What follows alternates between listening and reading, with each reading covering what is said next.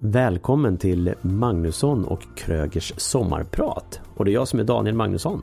Och jag är Mikael Kröger.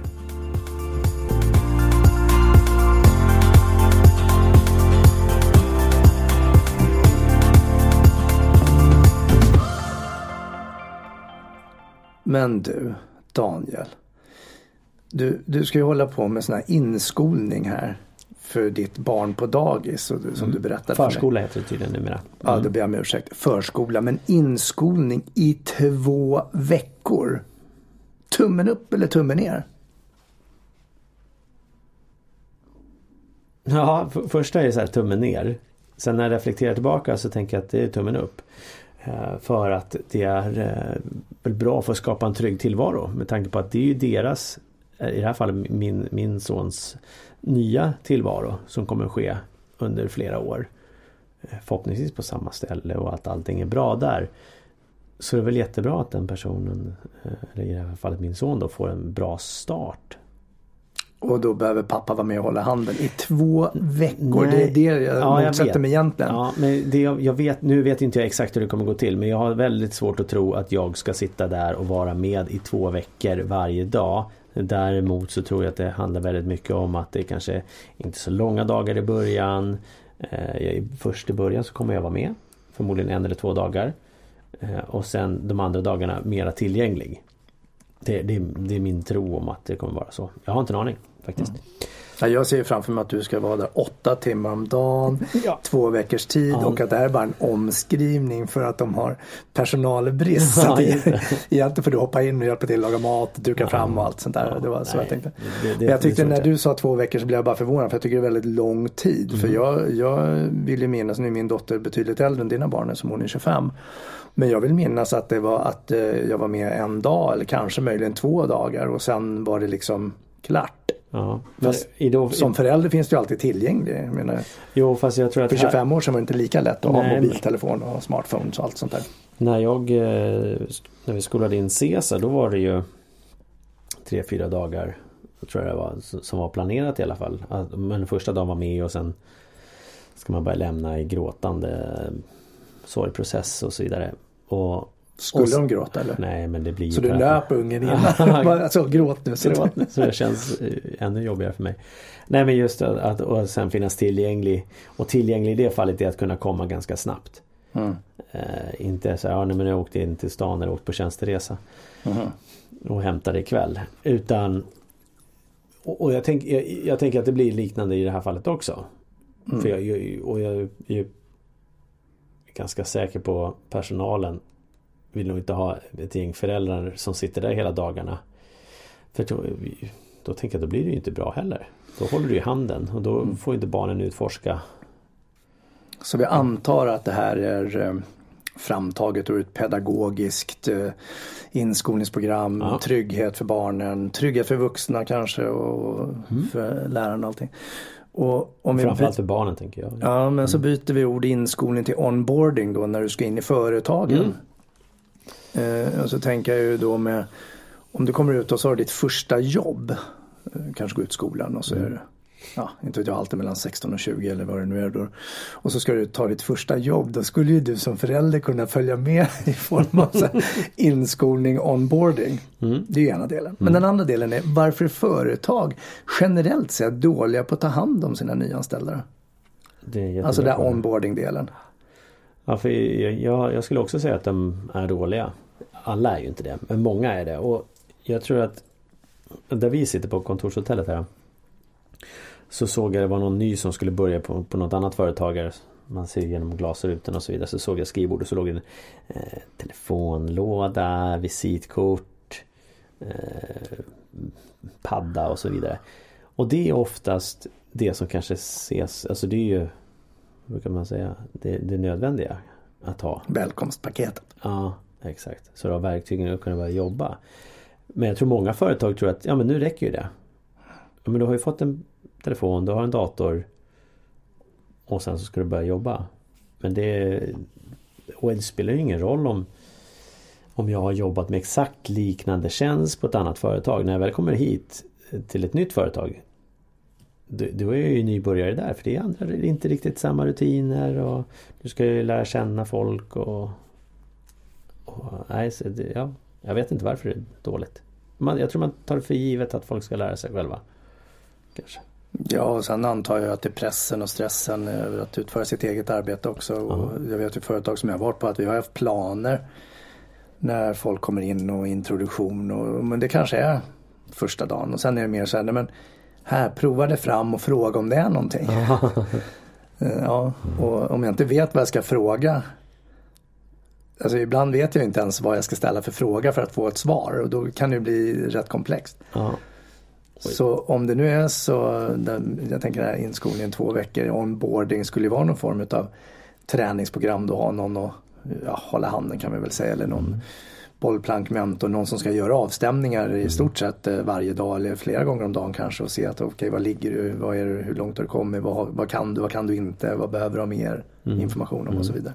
Ja, men jag, tror det är, jag tror det är jättebra uh, att, att sätta en plan på ett ställe där jag, min senaste anställning 2011, där, där fick jag ju, det tyckte jag ändå var hyfsat jämfört med många andra.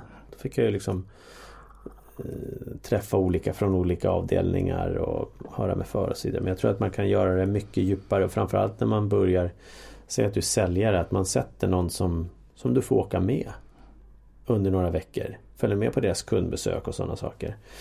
Uh, som en fadder, eller vad man ska säga. Mm. Jag tänker allting är nytt.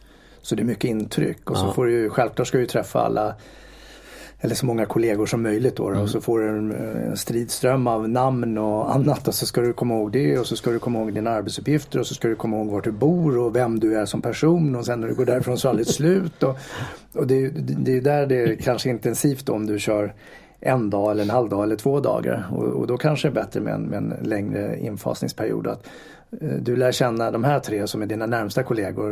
Nästa vecka tänker vi att du ska få lära känna den enheten, avdelningen eller vad det nu skulle kunna vara. Ja, ja. ja beroende på vad, vad, vad, du har för roll. Mm.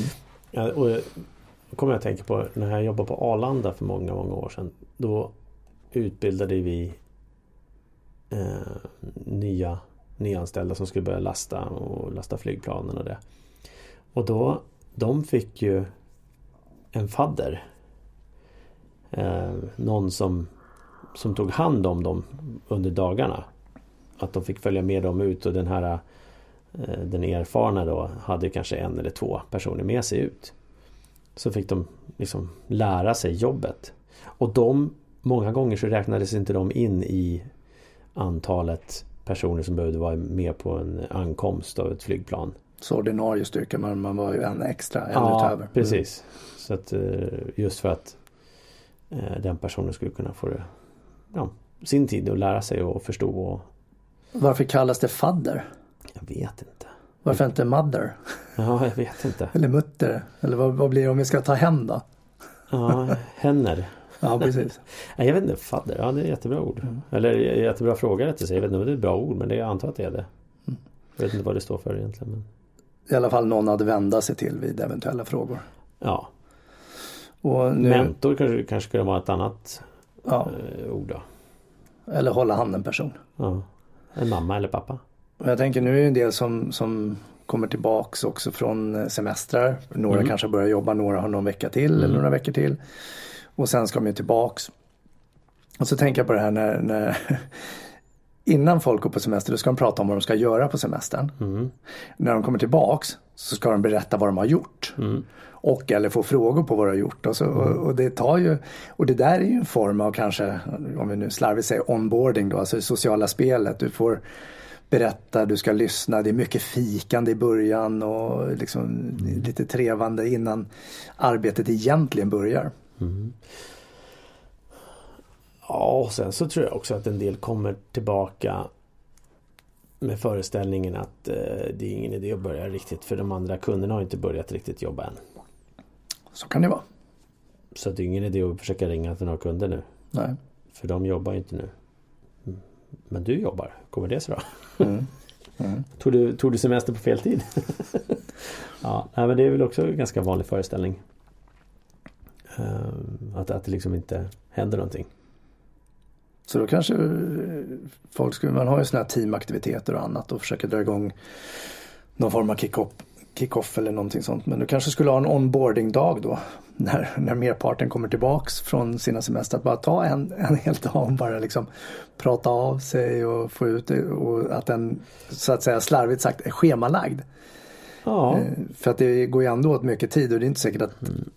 Att jag vill höra på vad du har gjort under sommaren. För att jag har ju nu helt plötsligt 897 mail att besvara. Mm. Mm. Och så känner jag mig stressad inför det. Och det är ju en del som rent av har kanske till och med ångest för att gå tillbaka till jobbet. Mm. Ja, garanterat. Usch, komma tillbaka till den här skiten. Uh. Ja, ja. Det är bara semester om 365 dagar. Nej. Ja, eller så är det bara fyra, fem månader kvar till jul. Ja. Då gäller det ju att fundera om, om det kanske är dags att byta jobb, tänker mm. jag. Och jag tänkte en eh, en målsättningsdag. När, när alla är tillbaka. Mm. Så det går att ha det internt istället för att ha, åka iväg på en kick-off utan ha det en feedbackdag. Mm. Prata feedback. Eh, Känslor. Ja. Sånt trams. Ja. ja. Vad var det bästa som hänt under semestern? Hur kändes det då? Vad gjorde dig glad och lycklig under den stunden? Hur ska du kunna återskapa den här känslan i din, om vi nu säger vardag när du jobbar här nu då? Mm. Mm satt upp några av målen som vi har satt upp på budgeten.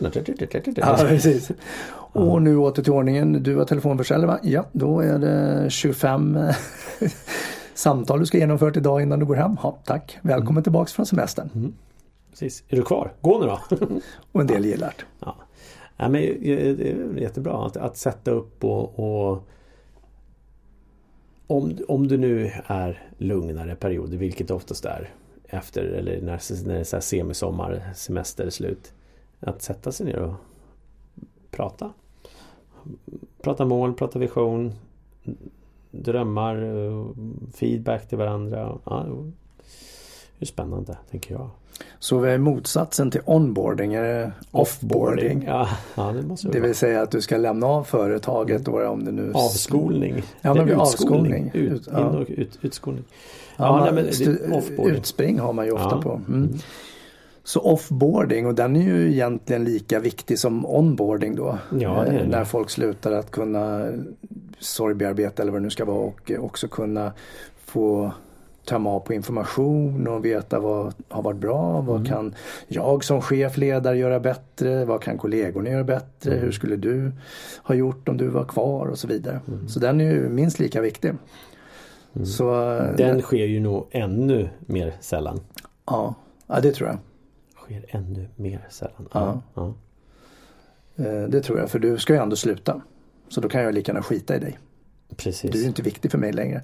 Men vi måste ses för en lunch eller en pilsner eller det någonting sånt. Ja. och så vidare. Ja men hör av er. Ja. Sen men när är din sista dag nu igen? Mm, bra. Och du kommer in då? Ja vad bra.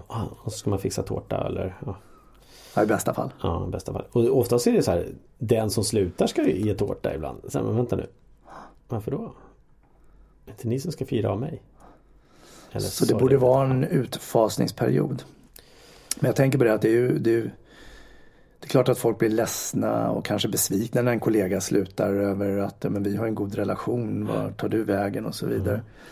Mm. Eh, och det var en tjej som hörde av sig till mig här för, för ett tag sedan och eh, bad mig vara referens och sen så fick hon jobbet och så sa hon upp sig och då frågade jag hur känns det? Ja, det var, det var lite spänd stämning.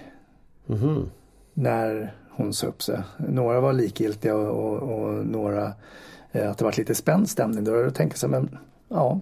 Men det kan ju vara sorgen som gör det att folk blir ledsna eller rädda. Men ofta så tror jag kopplat till en prestation. Det vill säga att jaha, men vem ska ta ditt jobb då?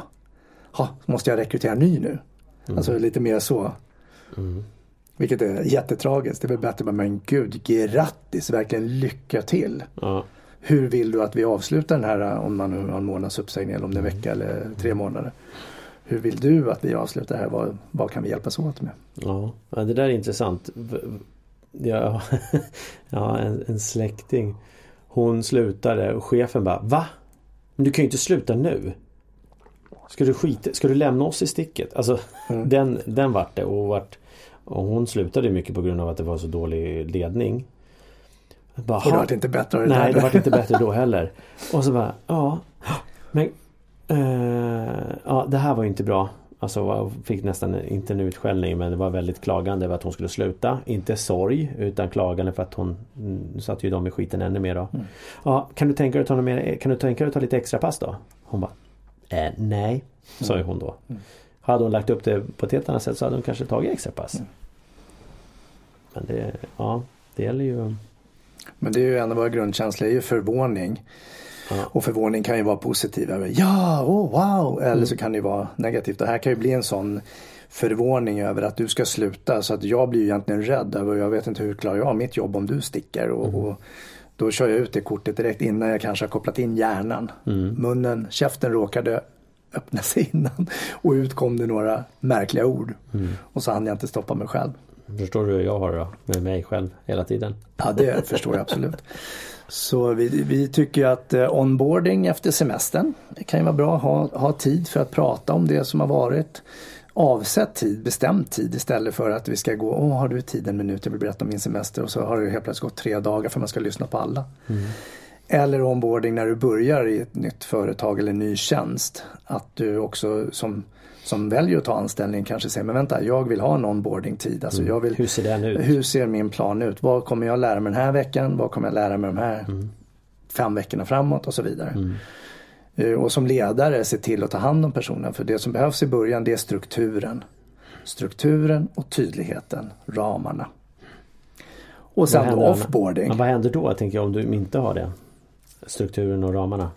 Det blir en osäkerhet, rädslor, mm.